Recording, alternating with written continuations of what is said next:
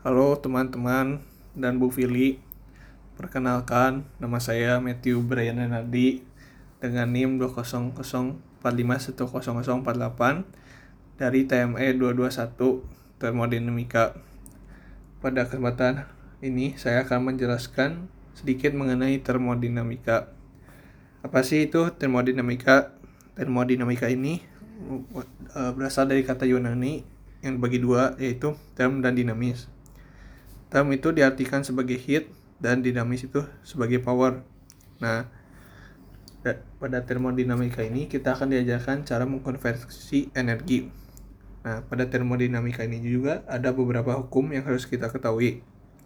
Hukum yang pertama itu adalah hukum kekekalan energi, di mana energi itu tidak bisa dihancurkan, melainkan energi itu hanya bisa diubah ke, uh, ke bentuk yang lain. Dan juga ada hukum kedua. Hukum kedua ini menjelaskan mengenai quantity dan quality.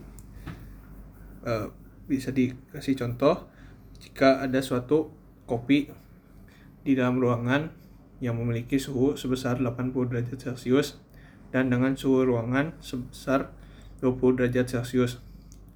Maka suhu pada kopi tersebut akan menyebar ke seluruh ruangan yang akan menyebabkan kopi tersebut akan turun karena suhu tinggi akan turun kepada suhu yang lebih rendah.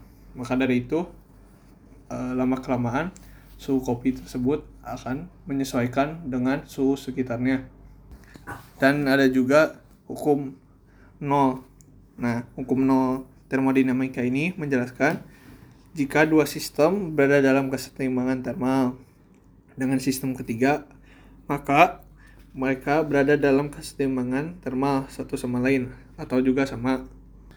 Contoh pada hukum nol ini adalah ketika kita mencampur air panas dengan air yang dingin.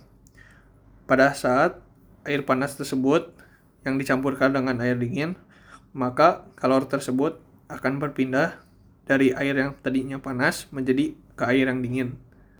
Dan juga ada hukum ketiga di mana entropi dari suatu kristal sempurna pada absolut nol adalah sama dengan nol.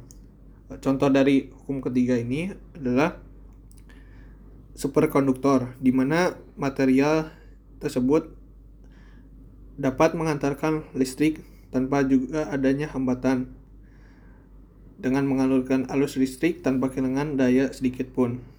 Sekian dari saya. Terima kasih.